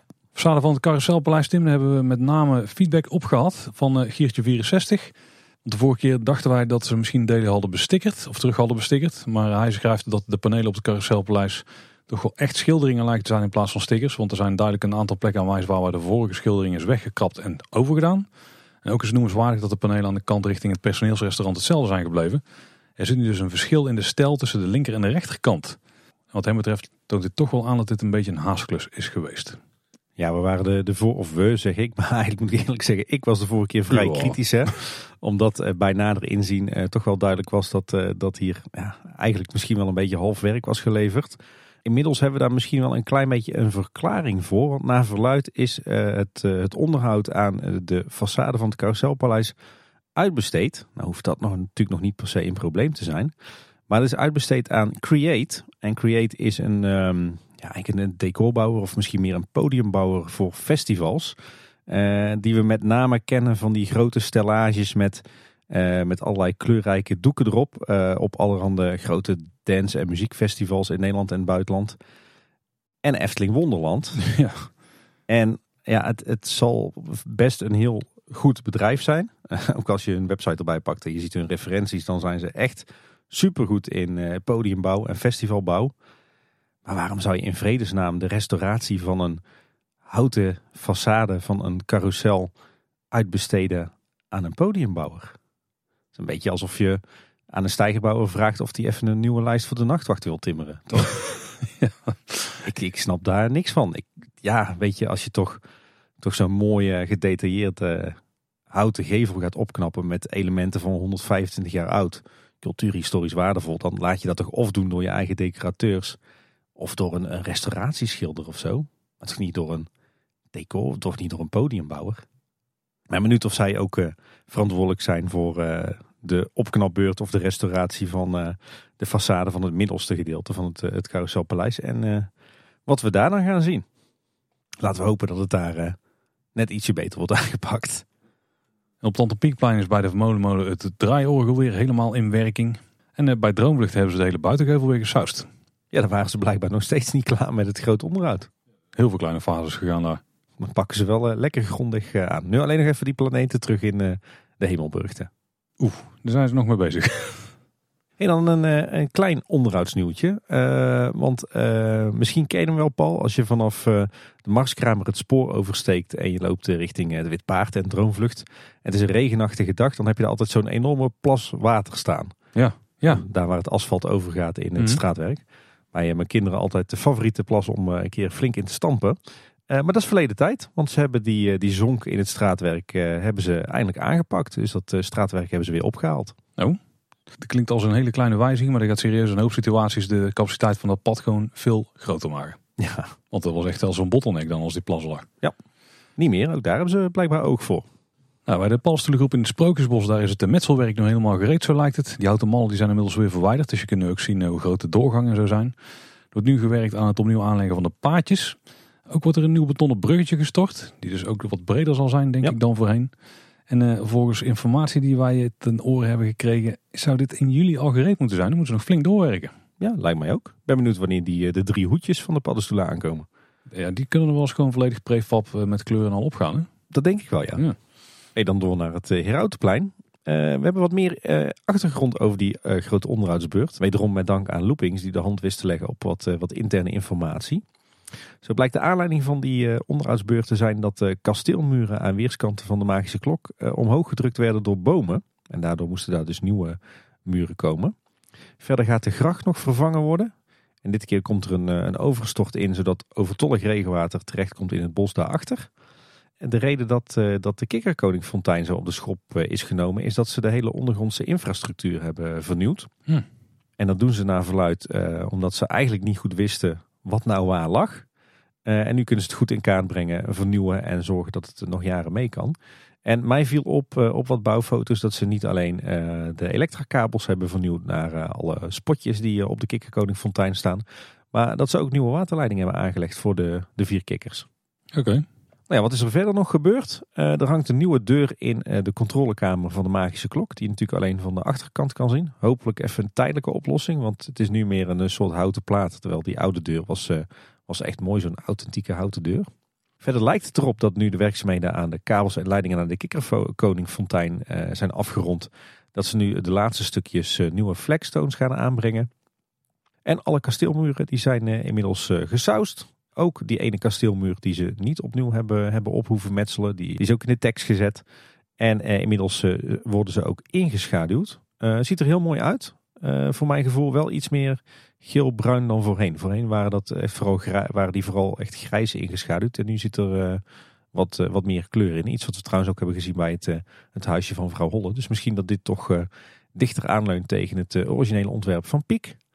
En tot slot vindt er ook onderhoud plaats bij de Kleine Klaroen. Natuurlijk het winkeltje aan het Herautenplein. Daar wordt gewerkt aan schilderwerk en komen wat nieuwe kozijnen in de gevel.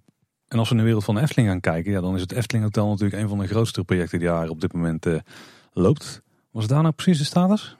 Ja, dan weten we inmiddels uh, wat er nou precies met de gevel gebeurt. We vroegen ons af, zouden ze nou de kozijnen volledig vervangen of alleen wat schilderen? Nou, ben ik laatst uh, weer eens even lekker gaan eten in de gelachkamer. Kon ik meteen uh, spotten wat er nou precies gebeurt. Maar de, de oude kozijnen die blijven gewoon behouden. Die krijgen allemaal een mooie nieuwe likverf in het donkerblauw.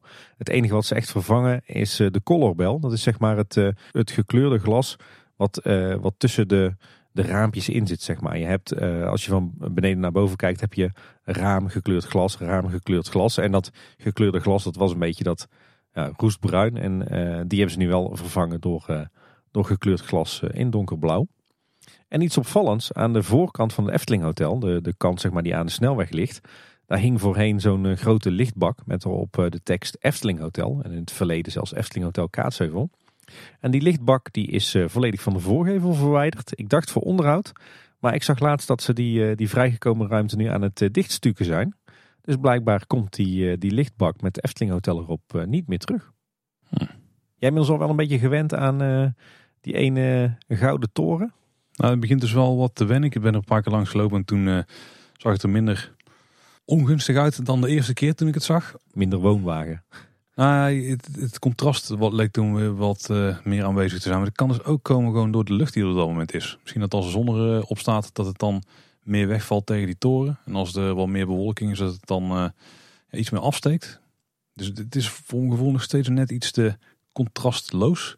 Ja, je wil zeggen dat eigenlijk die hele toren, inclusief het, het, het hoedje bovenop, eigenlijk ja, een beetje één en dezelfde kleur heeft. Ja, precies. Ja, ja. Maar het kan ook zijn dat ze misschien eh, de toren zelf nog een lik verf geven. Dat die wat lichter wordt en dan is het contrast weer wel wat terug. Of misschien gaan ze ook iets aan inschaduwwerk doen. Ik denk het niet, want dan hadden ze wel gewoon uh, de al gedaan toen er nog een stijger omheen stond. En ze gewoon aan het schilderen waren. Dus ik eh, denk dat het wel zo blijft. Maar ik begin er steeds meer aan te wennen. Ja? En ik denk dat misschien met de blauwe kleur ehm, die we straks dus gaan zien als heel de stijgerweg. Dat het ook weer wat beter is. We moeten het gewoon nog even afwachten als het totaalplaatje zichtbaar wordt. Nou, nog twee kleinigheidjes. Wat mij opviel op het, het hoofdparkeerterrein is daar heb je de laatste paar rijen uh, aan de kant van de Europalaan, uh, daar parkeer je nog op gras. En dat gras heeft het af en toe eh, heel, heel moeilijk. Hè? Dan heb je van die, van die modderige of zanderige stukjes waar geen gras meer groeit. En normaal gesproken zeiden ze dat altijd opnieuw in. Maar nu hebben ze er op de een of andere manier allemaal puin in gereden. ziet er een beetje rommelig uit. Dat is eigenlijk ook raar. Want je krijgt dat, ja, op deze manier krijg je daar natuurlijk ook nooit meer gras terug. Dus, nou, je, misschien, zou er misschien een keer auto's vast hebben gestaan of zo in de modder? Zou kunnen. Daar voorkom je natuurlijk wel op die manier. Maar... Nou, wel een beetje rommeltje zo. En eh, ze hebben natuurlijk laatst eh, de verlegde horst uh, verbreed. Hè. Dat was hard nodig. en langs hebben ze nu ook bermplankjes geplaatst. Van die, die witte paaltjes met reflectoren.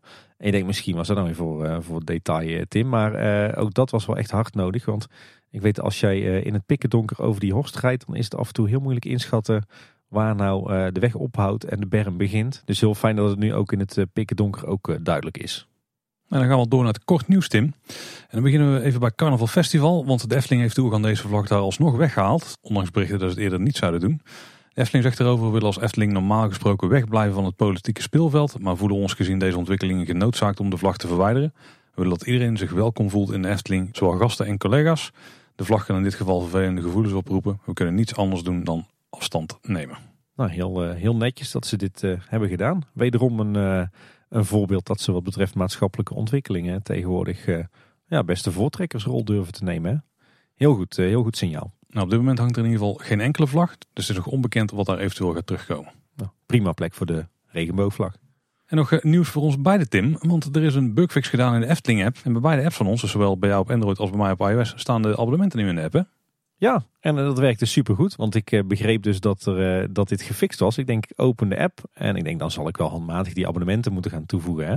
Maar ik open die, die pagina en pats, uh, mega snel stonden daar ineens onze vier abonnementen.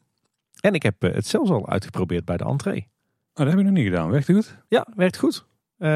Wel denk ik nog even wennen voor het, het personeel. Ze moeten nu natuurlijk een QR-code scannen in plaats van een barcode of, of zo'n zo'n chippy in de pas. Maar nee, heet super. Bij mij werkt het eigenlijk precies hetzelfde, in ieder geval in de app zelf dus. Bij mij stonden de abonnementen er direct in. En uh, volgens mij is het zo dat als jij jouw abonnement al hebt gekoppeld aan jouw Efteling-account, dus je logt even in op de site en je kijkt daar of je abonnementen erin staan of je voegt ze daar dus toe, dan komen ze automatisch in de app terecht en dat is natuurlijk ideaal. Ja. Uh, ook handig trouwens als je vriendentickets en zo wil bestellen, want dat kan dus vanuit de, de Efteling site. En ik heb de uitstraling van de kinderabonnementen ook meteen aangepast. Dus die hebben nou mooie roze abonnementen. Ah, kijk, dat heb ik nog niet gedaan. Ik heb trouwens wel nog een, eh, een klein verzoekje voor een, eh, een bugfix. Vertel, vertel. Je hebt, eh, je hebt in de app, als je op de plattegrond zit, kan je een aantal van die lijstjes openklikken. Hè? En ik klik eigenlijk altijd de lijst met attracties open om de wachtrij te checken. En voorheen was die netjes gesorteerd op alfabet. En nu heb je een soort keuzelijstje en nu opent hij me eigenlijk standaard op relevantie. Maar dan, ik weet niet waar ze dat op baseren, maar dan staan ineens alle attracties door elkaar. En Nou ja, dat kan mijn hoofd niet zo goed hebben. Dus iedere keer zet ik hem dan netjes terug op van A tot Z. Alleen eh, telkens als je de app opnieuw opent, dan staat hij weer terug op sortering op relevantie. En jij gebruikt nog steeds wel Twitter? Ja. Daar zit het probleem al echt al acht jaar in. En het is alleen maar erger geworden de afgelopen tijd. Nee hoor, je moet, het is een kwestie van een instelling goed zetten. Ja, maar die blijft er nu meer staan. Ja. Oeh, dan heb jij eh, nog een unicorn app, denk ik. Maar goed, volgens mij is dat vrij makkelijk te fixen. Maar dat, eh, dat, eh, dat zou wel, wel ideaal zijn als gewoon de keuze die je maakt met betrekking tot de sortering van de lijst, dat hij dat gewoon onderhoudt. Kleinigheidje. De Efteling sprookjes tekenwedstrijd. Er is de uitslag van bekend. Fran Lenoir uit Brugge, 10 jaar oud, die heeft de wedstrijd gewonnen. Op woensdagmiddag 31 mei werd haar tekening onthuld in het Efteling Museum. Dus die kunnen we nu daar gaan checken. En dat was in bijzijn van Sander de Bruin en Karel Willemen. En die staat in een van die vierkante vitrines in eh, de zaal waar die vaste collectie van tekeningen aan de wand hangen. Er waren meer dan 350 inzendingen. Dan nog wat horeca nieuws. Binnenkort kun je zelf je Coca-Cola Freestyle bekers opwaarderen met een bestelcel die naast de drankautomaten geplaatst wordt. Dus dat is super praktisch. En er is natuurlijk ook nieuwe wetgeving aangekondigd rondom plastic wegwerpverpakkingen. Die gaat in vanaf 1 juli. En Efteling heeft er inmiddels over gemeld dat ze daar eh, niks aan gaan veranderen. Want die nieuwe regel die ingaat vanaf 1 juli die geldt voor consumptie onderweg en bezorgen. En daar valt de Efteling dus niet onder. Vanaf 1 januari 2024, dus over een dik half jaar, dan zullen die nieuwe regels wel voor de Efteling gaan gelden. En dan is wegwerpplastic helemaal niet meer toegestaan. We zien het als een positieve ontwikkeling ten aanzien van duurzaamheid. Het gaat wel iets betekenen voor onze gasten en medewerkers, maar hier bereiden we ons op dit moment op voor. Kijk, dus waarschijnlijk krijgen we daar eh, of eh, kartonnen verpakkingen of misschien eh, herbruikbare verpakkingen. Of je friet in de krant. Of gewoon op de blote handen doen. Meteen eten. Klinkt als een standaard zaterdag voor mij. Recht uit het vet. Hey, daarover gesproken, ik heb nog wel een hele toffe ervaring gehad. Van, Ook dit is weer een kleinigheidje, maar goed. Als Benjamin. Ja, laatste eh, frietjes besteld bij de Smulpaap. En voorheen moest je natuurlijk eerst in de rij voor de kassa staan. Eh, je be- je bestelling doen, betalen. En dan moest je dan nog een keer in de rij gaan staan. Namelijk de rij voor de uitgiftebalie. Maar sinds een tijdje hebben ze daar zo'n systeem dat je een scherm hebt met eh, welke, bestelling, welke bestelnummers in bereiding zijn en welke gereed zijn. En dat was in eerste instantie alleen voor de, de online bestellingen. Maar nu hanteren ze dat dus voor alle bestellingen. En dat is echt super fijn. Want nadat je dus je, je eten besteld en betaald hebt, heb je gewoon een bonnetje met je nummer. En je kan gewoon een beetje op dat plein rondhangen tot jouw nummer bij gereed staat. En je loopt naar voren en neemt je bestelling mee. Dat eh, scheelt echt eh, behoorlijk wat frustratie van met z'n allen in, eh, in zo'n lange rij staan. Ja. Dat is een toffe, toffe ontwikkeling daar. Er zijn natuurlijk recent wat fietsendiefstallen geweest in de fietsenstalling. En de camera daar die was verwijderd. Die is nu weer terug. Er is nog steeds een tijdelijke camera. Loopings heeft daar bij de Eftelingen wat navraag over gedaan. En de Efteling die meldt aan de hand daarvan dat ze realiseren dat dit niet helpt bij het stimuleren van het gebruik van de fiets. En dat daarom dus ook die camera is teruggeplaatst. Ze zijn aan het nadenken over een permanente oplossing. Loopings probeerde ook nog te achterhalen waarom niet gewoon een medewerker wordt teruggeplaatst. Maar daar eh, gaf de Efteling geen antwoord op. Jammer. En dan is nieuws uit Nieuwkuik. Daar ligt natuurlijk de mini Efteling. Er vindt op zaterdag 17 juni zowaar een fanavond plaats. En dat wordt volgens mij wel een, een toffe avond. Ik dacht dat ze daar ook een nieuwe attractie gingen openen. Een mini Aquanura. Maar daar Mhm. ben ik niet helemaal zeker van. Er komt in ieder geval een decorateur van Joravision. En die gaat laten zien hoe je pretparkpoppen vorm geeft. En technici die gaan uitleggen hoe animatronics tot leven komen. En er wordt ook een eh, zelfgemaakte spookslotgrafzerk tentoongesteld om inzicht te geven in de bewegingstechniek. En eh, verder zijn er ook nog hapjes en drankjes verkrijgbaar. En wordt voor het eerst er een mini Efteling pin verkocht. Is een trend hè. Ik zag laatst dat eh, ook Bart Baan een hele pinserie heeft uitgebracht. Ja, wij waren de eerste. Nou, dat denk ik eigenlijk niet. We waren de kleinste. Dat sowieso, we waren de kleinste, ja. Nou, wil je daarbij zijn? Je kunt er naartoe van half zeven in de avond tot en met tien uur s'avonds. En de entree die is 10 euro. Ja, en echt een fantastische vondst van een luisteraar. Echt een pareltje. Eh, deze luisteraar die vond namelijk een speciale editie van De Echo van het Zuiden. Een eh, oude krant. eh, rond tentoonstelling De Schoen. Eh, een krant van 21 juli 1949. En eh, de schoen hebben we natuurlijk laatst ook nog uitgebreid over gehad. Hè? Zo'n beetje de, de voorloper van de Efteling. Eh, en die krant die kan je integraal lezen op zeer hoge kwaliteit. We zullen de, de gratis link daar naartoe in onze show notes plaatsen. En ja, heel tof om te zien. Eh, daarin eh, vind je onder meer een, eh, een activiteitenprogramma van die tentoonstellingsweek. Wat echt heel grappig is om, om te zien wat er allemaal gebeurde toen in het park. Een hele toffe bouwfoto van Entree Parklaan die ik nog nooit eerder had gezien. Toffe foto's van het Rooms-Katholieke Sport- en Wandelpark. Hè, de, voorloper van de Efteling als het ware. En ook een groot aantal advertenties van allerlei schoenwinkels en schoenfabrieken en andere winkels en bedrijven hier uit Kaatsheuvel en omstreken. Die echt een fantastisch tijdsbeeld geven van eh, nou, de periode rond eh, 49. Ook heel tof om eh, al die advertenties te lezen. Dus Ja, ik heb nog nergens voorbij zien komen, maar wat mij betreft echt een pareltje. Wist jij bijvoorbeeld, Paul, dat op uh, tentoonstelling De Schoen ook een lokale fokveedag plaatsvond op de terreinen van het Lunapark? Dat was mij uh, onbekend. en een gala-show bij de opening. En allemaal eind jaren 40. Dan eens even kijken, Tim, wat er nog iets uit de periferie komt. Ja, nieuws uit ons dorp, want uh, de afgelopen maand vond de avond driedaagse plaats in Kaatsheuvel. De avond driedaagse, Tim? Ja, een dagje minder hier in de Cats. Jongen, jongen, ik dacht dat het een beetje bikkels waren in de Cats, maar dat nee, wat Nee, moet niet te zwaar zijn. Hè? Op het gemak kunnen kennen ja. ze allemaal op zaterdag door de Efteling als jou natuurlijk. Precies, precies. Je meestal houden. Maar eh, op vrijdagavond uh, vond de inhuldiging plaats. En wat was nou leuk? Ridder Thomas en uh, Roodkapje waren van de partij. Oh. En niet voor niets, want de Efteling bleek een van de sponsors van de Kaatshevelse avond driedaagse te zijn. Ah, die kunnen natuurlijk niet hebben dat iedereen aan het eind van de dag vroeg naar huis gaat. Geen horeca omzet. Op zaterdag wil ze even terugverdienen. Bam! Nou, in ieder geval heel sympathiek denk ik dat de Efteling ook dit soort uh, lokale evenementen sponsort. En zelfs uh, aanwezig is met uh, twee entertainers. Hey Tim, we hebben wat reacties van luisteraars. En dat komt goed uit, want de aflevering is wat korter dan normaal. Mensen schrik niet. Die denken, ik heb er niet zo heel lang geluisterd en we zijn nu al daar. Jazeker. Eerst een berichtje van Wart Stolk. En die schrijft, hoi kleine boodschappers. De laatste Twitterrel over de Efteling zal u niet ontgaan zijn. Er was een dame uit Engeland, meen ik, die last minute tickets moest cancelen vanwege een ziekenhuisopname van haar kind. Dat is inmiddels al een tijdje terug, hè. Dus ze waren geld graag terug. Het antwoord van de Efteling Webcare was ongeveer... Sorry, maar bij het cancelen op het laatste moment ben je je geld kwijt. En oh ja, hopelijk gaat het goed met je zoontje.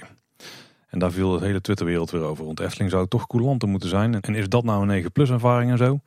Eén reactie omschreven het ongeveer als volgt. Spendeer als Efteling veel geld aan reclame om een goede naam te krijgen. Breng je dat met één tweet om zeep. Wat zijn jullie ideeën daarbij? Groeten, Wart. Ja, ik moet zeggen, ik ben het eigenlijk wel eens met die, die laatste tweet. Kijk, ik snap dat er, dat er regels zijn hè, als jij een verblijf boekt op de Efteling. Uh, dat je dat niet zomaar last minute kunt annuleren. als je dat, dat zou toestaan, dan uh, gaat natuurlijk uh, de duvel en zijn oude moer een boeking plaatsen. En op het laatste moment hebben ze geen zin en dan denken ze, nou, annuleer maar weer. En dan zit de Efteling met Bosrijk en Loonse Land, waar de helft van de huisjes leeg staan. Ja, hetzelfde geldt natuurlijk ook voor verplaatsen. Want daar zou ook natuurlijk een voor de hand liggende oplossing zijn dat je voorstelt van, nou, dan verplaatsen we alles gewoon. Maar dan heb je nog steeds hetzelfde. Dan is ook de helft van de tijd alles leeg. En dan wordt verplaatsen nog moeilijker omdat iedereen maar lukraak gaat boeken. Omdat ze toch makkelijk kunnen cancelen of verplaatsen.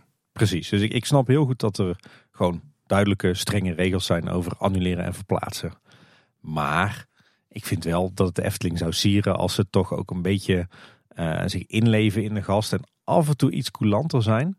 In dit soort schrijnende situaties waarbij er sprake is van een overlijden of, of een ziek kind. Of weet ik het. Ik, ik denk dat je als een Efteling, hè, als je het hebt over dat 9 plus niveau, over je, je reputatie, dat je best af en toe in uitzonderlijke uh, gevallen uh, met de hand over het hart zou moeten kunnen strijken.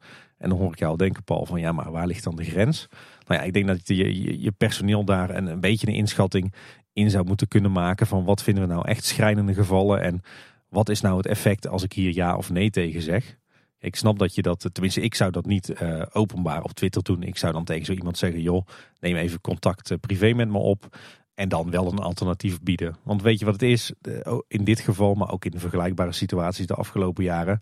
Als je ziet dat de Efteling dan ja, super strikt vasthoudt aan die regels. En zegt, uh, ja, jammer dan dat je niet kan komen, maar je krijgt je geld ook niet terug. Ja, dan win je als Efteling misschien die 1000 euro voor die overnachting die je anders kwijt was. Maar moet je eens kijken wat voor imago-schade je dan leidt. Hè? Want je weet zeker, zo'n gezinnetje komt nooit meer terug naar de Efteling. Zeker niet als het, als het een gezinnetje is uit Frankrijk, Duitsland, Engeland... die nog nooit eerder bij de Efteling zijn geweest. En die dit meemaken, ja, die denken, bekijk het maar. Maar ook alle vrienden en bekenden van die mensen... die denken na het horen van dit verhaal, daar moet ik dus niet naartoe. Als dit openbaar op Twitter komt te staan... moet je eens kijken hoe groot dan je imago-schade is. Dus dus ik denk dat de Efteling eh, zou sieren. En ik denk ook dat het positief zou zijn voor de, de reputatie en de naam van de Efteling. Als ze bijvoorbeeld incalculeren dat 1 of 2 procent van de boekingen uh, op basis van coulance geannuleerd worden. Ik, aan de ene kant kost je dat misschien geld, maar ik denk dat onderaan de streep dat het je veel meer geld oplevert dan dat het je kost. Ja, ik ben het in de basis wel mee eens, maar die, het, het grijs gebied is gewoon zo lastig. Ja. En dat is denk ik ook de reden. Kijk, het is makkelijker om je vast te houden aan regeltjes die misschien te strikt zijn dan, uh, ja, dan een soort van grijze lijn te hebben of een soort grijs gebied te hebben waarbij je nog een beetje kunt spelen. Hoewel dat wel hetgeen is waar je uiteindelijk wel, wat je wel zou moeten doen, maar daar, moet je ook weer even ervan uitgaan dat de meeste mensen um, ja, ook gewoon uh, eerlijk zijn. Ja. En dat is helaas niet zo weten we natuurlijk, maar ik, ik, denk dat het zeker de moeite is om het eens gewoon te proberen en te kijken hoe het dan werkt en wat er dan eventueel uh, uh, materieel of immaterieel aan schade geleden wordt. En andersom ook wat het opbrengt, want het zou aan beide kanten wel kunnen opbrengen. En het is natuurlijk wel zo dat als je iemand hebt die in zo'n situatie zit en die kun je dan verwonderen op een positieve manier, dan heb je dus wel een fan voor het leven erbij. Ja. En uh, dat is zeker wel waard, ja.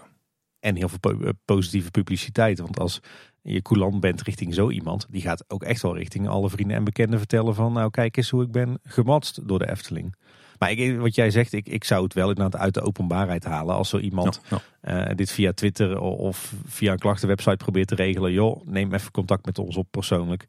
En ik denk dat de meeste uh, webcam-medewerkers of front office medewerkers toch ook wel dusdanig kunnen doorvragen dat ze wel aanvoelen of iets uh, echt waar is en of het echt schrijnend is of niet. Toch? En dan is er alsnog een percentage waarbij je dat misschien ja, ten onrechte uh, coulant bent. Maar ja, dat uh, is dan ingecalculeerd verlies, denk ik maar. En minder schadelijk dan uh, ja, af en toe gewoon ijskoud overkomen bij dit soort klachten.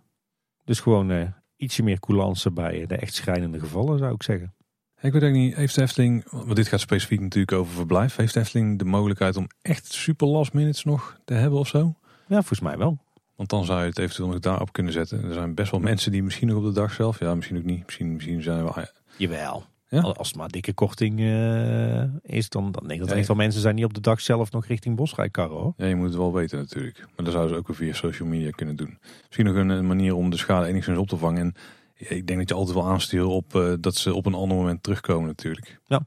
Stel je komt op een moment terug en dan is het in één keer een ander weekend waardoor het weet ik veel uh, 15% duurder is. Ik denk dat die mensen er niet eens problemen mee hebben. Dat is dat wel begrijpen. Nee, als ze maar niet het volledige bedrag van hun boeking kwijt zijn omdat ze niet kunnen komen. Ja, exact. We kregen ook een uitgebreide voiceclip binnen van luisteraar Jamie. Die heeft een beetje in moeten korten, dan paste die nog in de aflevering. Maar eh, we gaan eens even checken Tim wat Jamie te melden heeft. Lieve boodschappers, hallo, mijn naam is Jamie. Ik eh, ben mega eh, fan van jullie podcast. Natuurlijk heel erg Efteling fan. En ehm, ik heb gisteren echt een perfecte Efteling dag gehad. En ik dacht ik deel het even. Want dat kwam ook echt mede dankzij de werknemers en ook een aantal van jullie superleuke tips.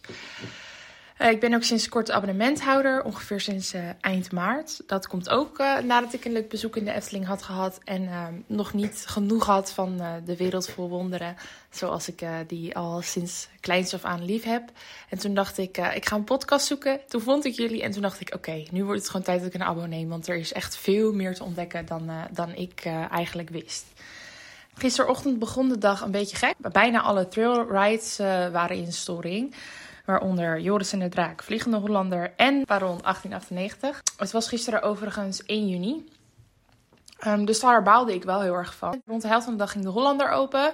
Toen zijn we daar lekker in geweest. Uh, nog even langs Joris en de Draak gelopen. Die was toen nog in storing. Toen we in de rij van de Vliegende Hollander stonden, toen uh, werd er omgeroepen... Uh, lieve gasten, er is goed nieuws. Joris en de Draak is weer open. Dus um, daarna gingen we even kijken bij Joris. Was natuurlijk heel erg druk. Dus we zijn later teruggegaan. Ik had uh, ondertussen in uh, een van mijn vorige Efteling bezoeken iets heel bijzonders meegemaakt. Namelijk dat ik een uh, VIP-ticket kreeg door mijn moeder, die heel erg bang was. Toen heb ik dus mijn VIP-ticket gebruikt voor Baron 1898. Omdat um, de rij toch wel redelijk lang was en ik het buitenwachten daar niet echt heel erg leuk vind. Ehm, en gelukkig hoefden we niet de voorshow over te slaan. Daar was ik een beetje bang voor. En uh, ja, het was echt een beetje zo'n moment dat je je zo speciaal voelt. Ja, daar is natuurlijk ook een VIP-ticket. Ehm, ja, dat je gewoon die rij over mag slaan. en mensen kijken een beetje zo van: hey, wat gebeurt hier? En uh, ja, ook heel erg leuk. Daar ook weer geholpen door de medewerkers die ook echt inzagen dat het uh, voor ons ook heel erg leuk was echt oprecht een van mijn favoriete ritten in de Baron gemaakt. Uh, we zaten vooraan uiteraard in het midden, waar de stoelen, stoelen ietsjes losser zaten. Dus uh, ja, ik was helemaal uh, los van, van de grond. Echt het Synergy effect was zo leuk om te merken en was echt genieten. Nou, toen gingen we later naar Joris. Was natuurlijk ook weer een superleuke rit. Uh, toen, uh, toen ik klaar was, uh, bedankte ik de operator, die ik ook nog herkende van de vorige keer toen ik de VIP-ticket met mijn moeder heb gekregen. En hij, hij gaf me een duimpje terug en hij, hij zei dat ik maar even moest blijven staan, omdat we dan nog een keer mochten. Dus dat was heel erg leuk. Zonder dat we weer in de rij te staan, mochten we nog een keertje, werd er een plekje voor ons vrijgehouden. En ja, dat is zo speciaal als je gewoon even een leuke dienst levert aan iemand die bij de Efteling werkt. Gewoon even bedankt voor hun harde werk, dan eh, weet je nooit wat je daarvoor terugkrijgt. Ehm, dus dat is heel erg bijzonder. En dat laat ook weer zien hoe mooi bedrijf het is. En hoe de magie gewoon zo doorgaat. En het zit allemaal zo perfect in elkaar. Het is geweldig. Je, je hebt daardoor zo'n fijne dag. Aan het eind van de dag eh, zijn we naar Caro gegaan. Dus het was echt een hele bijzondere dag. Daarna lekker bij Pinocchio's gegeten. En uh, toen aan het eind van de dag iets uh, heel bijzonders gedaan. namelijk naar de gelachkamer gegaan. Daar ben ik zelf nog nooit geweest. Ik woon niet echt in de buurt. Dus het is niet voor mij de stamkroeg natuurlijk. Toen we eenmaal in het Efteling Hotel waren, hebben we door een lieve medewerker een kleine exclusieve ehm, tour gekregen in een van de hotelkamers. Dat was ook echt heel bijzonder om te zien. En nou, daar waren we heel erg blij mee. En dat laat ook weer zien hoe je je Eftelingdag, terwijl het park om 6 uur sluit, nog echt heel lang kan verlengen. En dat hebben we ook tot de max gedaan, want we wilden absoluut niet naar huis. ja, dat was echt uh, het einde van een perfecte dag. veel liefst van Jamie, met de Efteling en ik. En houden waar. Doeg! Nou, eigenlijk heeft Jamie die perfecte Eftelingdag die wij de vorige keer probeerden te beschrijven gewoon beleefd. Ja. In ieder geval haar variant daarvan. Een lekker lange Eftelingdag met, en ze heeft gewoon heel veel dingen afgetikt hè. En nog een toertje door een Efteling uh, hotelkamer. Nou, een goede dag geweest. Sowieso natuurlijk uh, de ideale afronding van een Eftelingdag. Hè? Nog even napraten en borrelen in de gelachkamer. Heel tof om te horen en altijd uh, tof als blijkt dat wij weer luisteraars hebben verleid tot het, het kopen van een, een, abonnement. Nou, en we zijn weer bij en dan nog dit aangekomen. We hebben niet alleen luisteraars die toffe dagen in de Efteling beleven. We hebben ook nog luisteraars en die hebben nogal creatieve uitspattingen zijn er misschien twee die we er even uit moeten lichten. We hebben natuurlijk een hele tijd geleden al wat posters mogen weggeven die luisteraar Richard had gemaakt van uh, de Bad Guys en Efteling. We hebben toen nog een kleine prijsvraag over uh, uitgeschreven natuurlijk. Ja. Maar Richard is ook bezig geweest met uh, een tekening over ons Tim. Want had in één keer een idee voor een kleine, tussen haakjes, hollebolle boodschap. En uh, die is uh, vrij goed geslaagd, al zeg ik het zelf. Ja, een hele toffe tekening is dat geworden. Uh, we hebben hem even op Twitter gezet. We zullen hem naar linken in de show notes. En nou ja, los daarvan heeft Richard ook een heleboel toffe attractieposters voor de Efteling ontworpen. Hè? En wil je die nou zien, dan kan je op zijn website kijken. Dat is vormspraak.nl. Nog even terug naar de hollebolle boodschap, Tim. Dit is wel een verrekte goed gelukte hollebolle huis. Ik zou hem niet in het park willen zien verschijnen. Want ik denk dat ik mij kapot schrik als ik onze koppen zo zie met die mond met mond, ja. Maar we hebben zelfs... nou ja, ja, jouw blouseje had misschien nog... Nou ja, je hebt toch wel een redelijk fleurig blouseje aan. En ik heb gewoon een blauwe trui aan. Dus dat is ook allemaal redelijk uh, in stijl. En zelfs onze tas die staat erop. Ja, de kleine boodschappentas waar de microfoons in zitten. Ja, met een fles grobbelaar aan de zijkant. Ik zie nog een, uh, een krakeeltje zitten en uh, de rode opnamelamp. Het is wel een uh, gedetailleerde tekening, ja. Heel tof ontwerp. Dankjewel, Ries. Een rode opnamelamp. Dat is een goeie. Ik kan ik hier buiten zo'n, want we hebben, ik heb een buitenlamp zitten aan de buitenkant van de studio. Als we daar gewoon een gekleurde Philips Hue bal in douw, dan kunnen we gewoon een rood lampje aanzetten als we aan het opname zijn. Dat is eigenlijk ja. best wel slim. En dan zetten we eronder op de gevel Taverne de Oude Liefde. En dan hangen we daar weer een doek overheen die een beetje zo half afwappert met opnamestudio. Kijk. Zo doen ze daar in Efteling ook hè. Precies. We gewoon grof stukwerken tegenaan en we zijn helemaal uh, klaar voor het park. En aan de andere creatieve uitspattingen, die komt eigenlijk niet van een luisteraar, als die er wel indirect bij uh, betrokken. Van een Oegandese kunstenaar. Dus dan zal het wel duidelijk zijn dat uh, Sander Kessler natuurlijk degene die erachter zit. Die heeft in Oeganda heeft die, beeldjes laten vervaardigen van de Vliegende Hollander. Dus je hebt het schildje wat op de vuilnisbakken zit. Volgens mij nergens in 3D uitgevoerd in het park. Maar daar hebben we een 3D uitvoering van gehad. Helemaal gemodelleerd op een best wel flink formaat. En daarnaast nog een, een, ornament uit uh, Symbolica. Zo'n hartje wat op verschillende plekken terugkomt in de decoratie. En het, ja, het pièce de résistance is toch wel een 16 kilo wegende buste van een vliegende Hollander leeuw. Die zo'n schild vasthoudt waar VHE op staat. En volgens mij hebben wij in die aflevering met Sander nog erover gehad dat het toch bijzonder was dat daar nog geen Luviel miniatuurtje van was. Nou, er is wel een uh, Oegandese maximatuurtje van inmiddels. Ik wou net zeggen, het is echt een miniatuurtje geworden. Maar uh, ze staan hier inmiddels en uh, gewoon met het vliegtuig mee deze kant opgenomen. Dus dank daarvoor. Ze zijn echt heel mooi geworden. Heel tof. Bedankt Sander. En natuurlijk ook dank en grote complimenten aan de Oegandese vormgever of kunstenaar die dit, die dit heeft gemaakt. Echt ja, heel indrukwekkend. En binnenkort ook nog een collega podcast die een 200ste aflevering gaat opnemen. Tim, in dit geval gaat het over After Park Lounge. En op 17 juni gaat het allemaal plaatsvinden. Die aflevering die komt dan wel ergens later in de zomer uit. Maar we nemen de 200ste aflevering alvast op. En lekker hier in de buurt, want het gaat allemaal plaatsvinden in de Leest in Waalwijk. Dus voor onze bijna een thuiswedstrijd. Alleen het klavier is een dichterbij zijn zaal. Ja, precies. En met een eh, special guest ook, Robin van der Wand. Dat is de hoofdprojectontwikkeling van Jora Vision. Dus dat is wel tof, die gaan ze aan de tand voelen. Je kunt daar kaartjes verkopen van eh, 10 euro, maar eh, ben er wel snel bij, want er zijn er al enkele weg. Want eh, ja, wij hebben ook kaartjes gescoord, Tim. Zeker. Ze hebben goed gebenchmarkt, want ik geloof dat de kleine boodschap in een theater ook eh, 10 euro was. Ja, dat klopt inderdaad, ja. We zijn toch wel heel eh, schappelijk in eh, de pretpark podcast zien. Hè? Dan wordt hier, eh, wordt hier geen eh, knaken verdiend. En volgens mij waren we onze servicekosten inbegrepen. En hier betaal je aan de lees. Dat hadden we achteraf ook moeten doen. Want daar hebben we ons op een paar punten misschien net in de vingers gesneden. We zijn gewoon net eh, Stichting Natuurpark de Efteling, hè? ook geen winstoogmerk. Nee, maar wel mensen een leuke tijd bezorgen. Precies. Voor. En de Tim, heb jij onder deze categorie nog wat eh, leuke dingen meegemaakt? Ja, nou wel iets bijzonders. Het was eh, voor, voor mij een, een first, zoals je dat dan volgens mij ook wel zegt.